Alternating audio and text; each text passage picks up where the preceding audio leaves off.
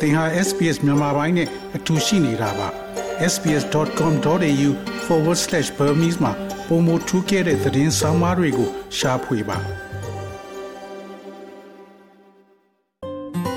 SBS မြန်မာပိုင်းကို အင်ကာနဲ့စနေနေ့ည10:00နာရီမှနားဆင်နိုင်တယ်လို့အွန်လိုင်းကနေလည်းအချိန်မီနားဆင်နိုင်ပါပြီ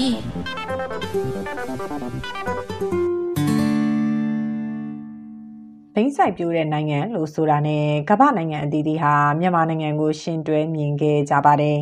။ဒီလိုတားမြစ်ထားတဲ့ဘိန်းဆိုင်ပြိုးမှုတန်ရာထဲမှာမြန်မာနိုင်ငံကတိန့်ချီနေတဲ့ပြည်သူတွေဟာယုံမထွက်နိုင်သေးပါဘူး။စစ်အာဏာသိမ်းကာလရဲ့နိုင်ငံရေးမတည်ငြိမ်မှုနဲ့စီးပွားရေးအခြေမခိုင်မှုတွေကြားမှာပြည်သူတွေဟာဆင်းရဲနွမ်းပါမှုမြင်အောက်ကိုတန်းနေချီရောက်ခဲ့ရတာပါ။ မိသားစုအငတ်ဘေးကစားဘဝဖြတ်တည်ရေးအတွက်စီးပွားရေးချောင်လည်နိုင်ဖို့ဆိုတဲ့မှတ်လုံးဟာဘိန်းဆိုင်တောင်သူအဖြစ်ကိုရောက်ရှိစေခဲ့ပါတယ်။မြန်မာနိုင်ငံမှာခုနှစ်နှစ်ကြာဘိန်းထုတ်လုပ်မှုကျဆင်းခဲ့ပေမဲ့လည်းအာနာသိန်းကာလအစားပထမဘိန်းဆိုင်ရာသီမှာပဲဘိန်းအထွတ်33ရာခိုင်နှုန်းမြင့်တက်ခဲ့တယ်လို့ကုလသမဂ္ဂအစည်းအဝေးခန်းစာကဖော်ပြထားပါတယ်။ 2022ခုနှစ်မှာတော့နိုင်ငံအနှံဘိန်းတန်ချိန်800နီးပါးထွက်ရှိခဲ့ပြီးဒါဟာ2021ခုနှစ်နဲ့ရှင်နှစ်ဆနီးပါးရှိတယ်လို့လည်းအဲ့ဒီအစီရင်ခံစာမှာဖော်ပြထားပါတယ်။ဘိန်းစီတပိတ်တာကိုအရင်ကကြက်၄သိန်းဝန်းကျင်ရှိရကနေအခုဆိုကြက်6သိန်းကနေ8သိန်းကြားရှိလာတာကြောင့်ပုံမိုစိုက်ပြိုးလာတယ်လို့ဘိန်းဆိုင်တောင်သူအချို့ကဆိုကြပါတယ်။ သူ့စီကထွက်တဲ့အမြက်ကရင်းနှီးငွေထဲနှစ်ဆနီးပါးရနေတာကြောင့်တခြားသီးနှံစိုက်ပျိုးသူတွေတောင်ဘိန်းကိုပြောင်းလဲစိုက်ပျိုးလာကြတယ်လို့ရှမ်းပြည်နယ်တောင်ပိုင်းမှာနေထိုင်တဲ့တောင်သူတူကပြောပါတယ်စစ်အာဏာသိမ်းခဲ့တဲ့အဆက်ဆက်မှာဂိမ်းဆိုင်တဲ့တောင်သူတွေကတော့ဒီဒေသမှာရှိတဲ့ဒီဖာသာစားတွေနဲ့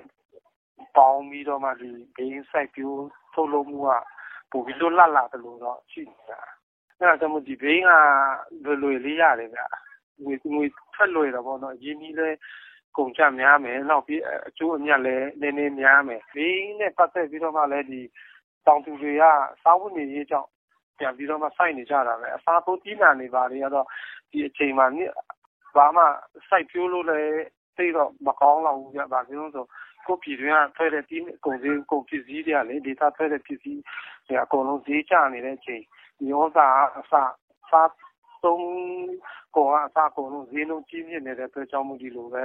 ဈေးစိုက်တာကတော့နည်းနည်းလေးအကျိုးအမြတ်ပိုရတဲ့အထဲမှာရှိတယ်။အာဏာမသိမ်းခင်၁၀နှစ်တာကာလအတွင်းဘိန်းအစားထိုးသီးနှံစီမံချက်တွေ၊စီးပွားရေးအလုပ်အကိုင်အခွင့်အလမ်းတွေရရှိခဲ့တာကြောင့်ဘိန်းစိုက်ပျိုးမှုတွေကတဖြည်းဖြည်းကျဆင်းခဲ့ပါတယ်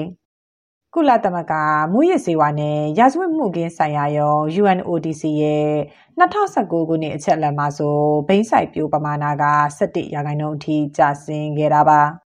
အခုဘိန်းဆိုင်ပြိုးမှုမြင့်တက်လာတာကမြန်မာနိုင်ငံတွင်နိုင်ငံရေးစီးပွားရေးအကျပ်အကျဲတွေနဲ့ဓာတ်ရိုက်ပတ်သက်နေတယ်လို့နိုင်ငံရေးလှိလာသုံးသပ်သူတွေကဆိုကြပါတယ်။ တရားဥပဒေမစိုးမိုးတာကလည်းကြီးမားတဲ့အဟန့်အတားတစ်ခုဖြစ်နေသလိုလက်နက်ကင်အဖွဲ့တွေအချင်းချင်းကြားပဋိပက္ခတွေဟာလည်းဘိမ့်ပတ်ပြောက်ရေးအတွက်အခက်အခဲဖြစ်နေတယ်လို့သိရပါတယ်။ဘိန်းထုတ်လုပ်ရောင်းချမှုတွေနဲ့လူမြင်ကွင်းရှိသုံးဆွဲလာတဲ့အထိနေသားကြနေတဲ့အခြေအနေကိုအဖက်ဆယ်ဖို့ဆိုရင်တိကျတဲ့ဥပဒေပြဋ္ဌာန်းဖို့လိုနေပြီလို့မြန်မာနိုင်ငံမူရစ်စေဝါစန့်ကျင်ရေးအသင်းကြောက်မဲခရိုင်ဥက္ကဋ္ဌဦးတင်မောင်သိန်းကဆိုပါတယ်။ တိုင်းပြည်ကိုဆက်ဆက်အုပ်စိုးခဲ့သောအစိုးရများမူးယစ်ဆေးဝါးနဲ့ပတ်သက်ရင်ဟိုဘက်ခေတ်ကမူးယစ်ဆေးဝါးဥပဒေကိုပြင်ဆင်ခဲ့ကြတယ်အသစ်တွေရေးဆွဲပြဋ္ဌာန်းတယ်အဲ့တော့ဘယ်မျိုးပဲမှာရှိတို့တမျိုးရဲ့အင်မတန်ထင်ရှားပြီးအင်မတန်စီနာကောင်းပြီးတော့တက်ကြွတဲ့မျိုးမိမျိုးဖဆိုတဲ့မျိုးတိုင်းရကောင်းတယ်တဲ့တဲ့ရွယ်ရှိလူငယ်လူကြီးအားလုံးမူးယစ်ဆေးဝါးနဲ့ပတ်သက်ရင်သူတို့ရဲ့သဘောထားနဲ့သူတို့ရဲ့ရည်ရည်ချက်ကိုလိုက်တာစိတ်ချင်းကလုံးဝမရှိဘူး အဲ့တော့ဘယ်လိုလုပ်သွားပြီးတော့တိုင်းပြည်ကောင်းမလို့နေနေမှုရက်ွက်တခုရဲ့အုပ်ချုပ်ရေးမှုနော်ညွန့်နယ်ရဲ့အုပ်ချုပ်ရေးမှုအားလုံးအားလုံးအားလုံးတိုင်းပြည်တော့အကုန်လုံးညာနေကြအဲ့တော့အဲ့ဒီဟာကြီးကိုကျွန်တော်တို့ကဘယ်လိုလုပ်သွားပြီးတော့ဒီဟာဘာဖြစ်တယ်ဘယ်လိုလုပ်တောင်းလုပ်မလဲဆိုတဲ့ခါကျတော့သူ့တွေပြဋ္ဌာန်းပြီးတော့မှမလုပ်တဲ့ကောင်တွေမြစ်တောင်းရှိပြီးတော့မလုပ်တဲ့ကောင်တွေကဒီစီဝါတဖုန်တွေရရင်သူတို့ပါတော့မှ automatic တွဲပြီးဆောင်းချလိုက်ရမှာအဲ့ဒါရမှာ စာဘိန်းစားတဲ့လူပဲပြည်စီတယ်လို့ပြောရင်ဒီနိုင်ငံမရတော့ရှမ်းကချင်နဲ့ကရင်ပြည်နယ်ဘက်တွေမှာဘိန်းဆိုင်ပြိုးတာတွေရှိနေပြီးကုလသမဂ္ဂရဲ့2023နှစ်ဝက်အစီရင်ခံစာမှာအခုနှစ်ဘင်းရောင်းရငွေက2022ခုနှစ်အထက်နှစ်ဆရှိတယ်လို့ထုတ်ပြန်ထားပါတယ်။ 1ကီလိုဂရမ်ဘင်းရောင်းချငွေတန်ဖိုးက80ရာခိုင်နှုန်းအထိမြင့်တက်ခဲ့ပြီးအမေရိကန်ဒေါ်လာ180ဝန်းကျင်ကနေ280ကျားရှိနေတယ်လို့သိရပါတယ်။ဒီနှစ်အတွင်းမှာဆိုရင်လည်းဘိန်းကင်းတဟက်တာကို ပြန်မြဘိန်း16.8ကီလိုဂရမ်ထွက်ရှိပြီးဒါဟာမြန်မာနိုင်ငံအတွက်အမြင့်ဆုံးထွက်ရှိတဲ့ပမာဏဖြစ်တယ်လို့လည်းဖော်ပြထားတာပါ စိုက်ပျိုးသီးနှံစည်းအတွက်အာမခံချက်မရှိတဲ့ကြောင့်ဘိန်းစိုက်ပျိုးတာကနေဝင်ငွေပုံမရရှိတာတည်ယူရလွယ်ကူတာသွင်းအားစုနေတာတွေကြောင့်လည်းစိုက်ပျိုးသူပုံမများပြားလာပါတယ်ဒီလိုအခြေအနေတွေဟာသုံးဆွဲသူတွေအတွက်စိုးရိမ်ရတဲ့အခြေအနေဖြစ်နေပြီးအပြေရှာဖို့ဝိုင်းဝန်းကြိုးပမ်းသင့်တယ်လို့ပြောလာသူကဒေါနာတနင်္သာရီရဲ့မြေပြင်အဖွဲ့တာဝန်ခံကိုရောနတန်ပါ အဲကျွန်တော်တို့ဒီကိစ္စတစ်ခုကိုဘယ်သူမှတာဝန်ရှိလဲဟိုဘယ်သူကတာဝန်ယူပြီးတော့ဖြည့်ရှင်းပေးမှလဲလို့မေးတဲ့အခါအများစုကကျွန်တော်တို့ဒီခေါင်းရှောင်တက်ကြတယ်ပေါ့နော်ကျွန်တော်ကတော့ဒီမူရစေဝါပြဿနာကိုတာဝန်ယူဖြေရှင်းပေးဖို့ဆိုတာကကြတော့စစ်ကောင်စီမှာလည်းတာဝန်ရှိတယ်လို့ကျွန်တော်တို့ဒီ NUG KNU KNA စတဲ့ဒီဆိုရအရရမှာလည်းတာဝန်ရှိပါတယ်ဒီဆိုရမဟုတ်တဲ့ဒီလက်နက်ကင်တပ်ဖွဲ့တွေအဲအုပ်ချုပ်ရေးအဖွဲ့အစည်းတွေဒီအုပ်ထိန်းသူမိဘတွေကစပြီးတော့ကျွန်တော်တို့ဒီ ကိုကိုတိုင်မှာရောဟိုတာဝန်ရှိတယ်လို့မြင်မိပါတယ်အဲဒါပေမဲ့ဒီဆိုရတာဝန်ယူထားတဲ့ဒီနိုင်ငံရေးသမားတွေအုပ်ချုပ်ရေးအဖွဲ့အစည်းတွေဒီလက်နက်ကင်တပ်ဖွဲ့တွေမှာတော့ပို့ပြီးတော့တာဝန်ရှိတယ်လို့တော့ပြောလို့ရတယ်ပေါ့နော်အခုကကြတော့ကျွန်တော်တို့ဒီစစ်ကောင်စီတပ်အနေနဲ့ကလည်းဒီလိုလုပ်ငန်းတွေကိုအာလောက်ကင်နေတဲ့အခြေအနေမှာမရှိဘူးကျွန်တော်တို့ဒီပြည်သူ့အုပ်ချုပ်ရေးဖွဲ့တို့ဒီပြည်သူ့ကာကွယ်တပ်ဖွဲ့တို့အနေနဲ့ကလည်းဒီမွေးစေဝါနှိမ်နှင်းမှုတွေရှိနေတယ်ဆိုပေမဲ့အာစနေတကြနဲ့ထိထိရရလောက်ကင်နေမှုကဟိုအားနည်းနေသေးတော့ကျွန်တော်တို့ ဒီမွေးစေဝါရုံချမှုနဲ့သုံးစွဲမှုတွေကမထင်းချုံနိုင်ပဲနဲ့အဲအရန်ထက်ပုံမှုကျပြန့်လာတဲ့သဘောမျိုးရှိတယ်ပေါ့နော်ဘိန်းဆိုင်ပြုံးမှုမြင့်တက်လာတာနဲ့အတူတရားဥပဒေစိုးမိုးမှုမရှိတဲ့အခြေအနေကြားမှာအချို့ကတော့အခြားမှုရည်ဆွေးတွေကိုပေါ်ပေါ်တင်တင်တုံဆွဲလာကြပါတယ်စိတ်ကြွဆေးပြား WY တပြားကိုအာနာမသိငင်ကကျပ်9000ပေးဝယ်ရပါမယ်အခုချိန်မှာတော့အနည်းဆုံးကျပ်300နဲ့ဝယ်ယူရရှိနေတာပါ မြန်မာနဲ့အိန္ဒိချင်းနိုင်ငံဖြစ်တဲ့ထိုင်းနိုင်ငံမှာစေးကြောက်ကိုတရားဝင်သုံးဆက်ခွင့်ပြုလိုက်တဲ့နောက်ရောင်းချဆိုင်တွေအများအပြားပေါ်ပေါက်ခဲ့ပါတယ်။အဲ့ဒီတရားမှုဟာအိမ်နီးချင်းမြန်မာနိုင်ငံအထိရိုက်ခတ်ခဲ့တဲ့အပြင်အလွယ်တကူရရှိနိုင်တဲ့ဘိန်းစာရွက်ကိုပါအရေးကြိုးတောက်တဲ့အထိပြန့်နှံ့ခဲ့ပါတယ်။ဒီအရေးဟာအာဆီယံလို့တင်စားခေါ်ကြတဲ့မူရစ်စေတစ်မျိုးလို့သိရပါတယ်။ မွန်ပြည်နယ်အတွင်းမှာဆိုလမ်းဘေးမှာတင်ပွဲတော်တဲသလိုကလေးကအစလူကြီးအစုံတောက်သုံးကြတာဟာပုံမှန်အခြေအနေဖြစ်နေပြီလို့ရေးမြို့ဒေသခံမွန်ထောကဆိုပါတယ်။အာများတာတော့မပြောရင်တအားများတယ်ကြီးရကလေးရအကုန်လုံးတောက်တာပဲကျွန်တော်တို့ဒီမှာဥပုံနဲ့ဆိုလည်းပြင်တယ်ចង់တကားတွေပေါ့ကိုယ်တိုင်ချက်ပြီးတောက်တာပဲလက်လေးမှာပဲတည်ကြတာရှင်လောင်းလှည့်တာတော့ အမှုတခုခုလုပ်ရင်အရစာကိုအဲ့ဒါတွေတောက်ကြတယ်လေဟိုထိုင်းမှာတရားဝင်တွေးတယ်ဆိုတော့ဒီ MBM ကြီးဆိုတော့တောက်ကြတာဒီမှာကျွန်တော်မှကြတော့မွန်ဒီကျင်းနဲ့စကားတာရှိတယ်ပေါ့စကားတာတော့တွေ့နေပါတယ်မွန်ဒီကျင်းလေးပြန်နေပဲတော့စားတော့စားမလို့သူကစားလို့နိုင်မှာမဟုတ်ဘူးတောက်ကြကြတာပဲတချို့မတောက်တဲ့လူတော့စားနေတယ်လေသူကအားပေးတဲ့လူတွေများတယ်အာပစ္စည်းချမ်းမရရင်ပစ္စည်းတွေခိုးမယ်ဒါတွေဖြစ်တာပေါ့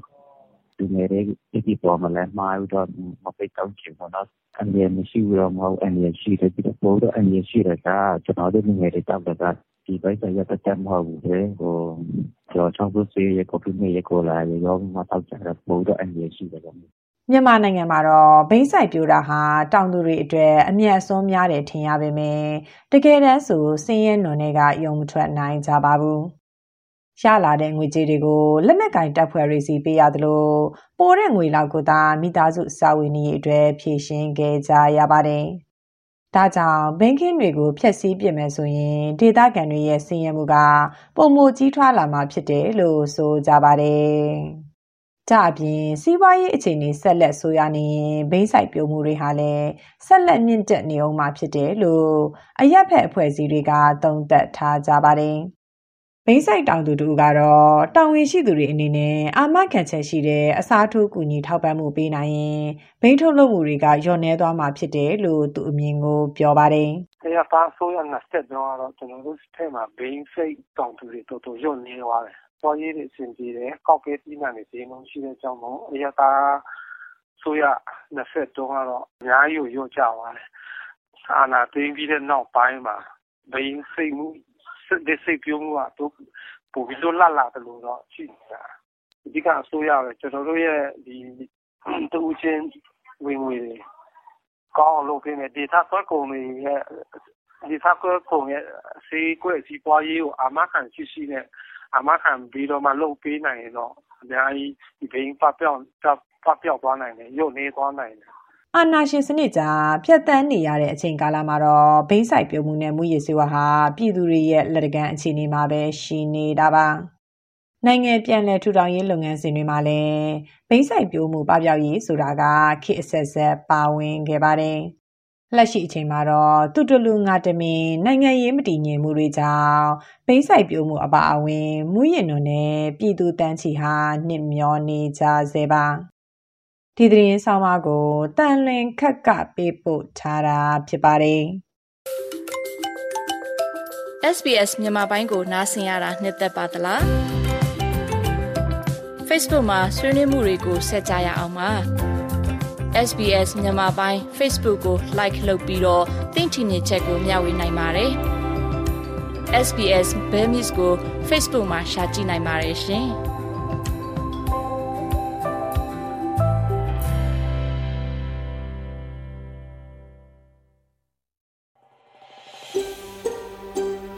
ဒါမျိုးသတင်းဆောင်မတွေကိုပိုနားဆင်လိုပါလား Apple Podcast Google Podcast Spotify တို့မှာသင်ပင်ရာဖြစ်ဖြစ်ရယူတဲ့ podcast ကနေပါ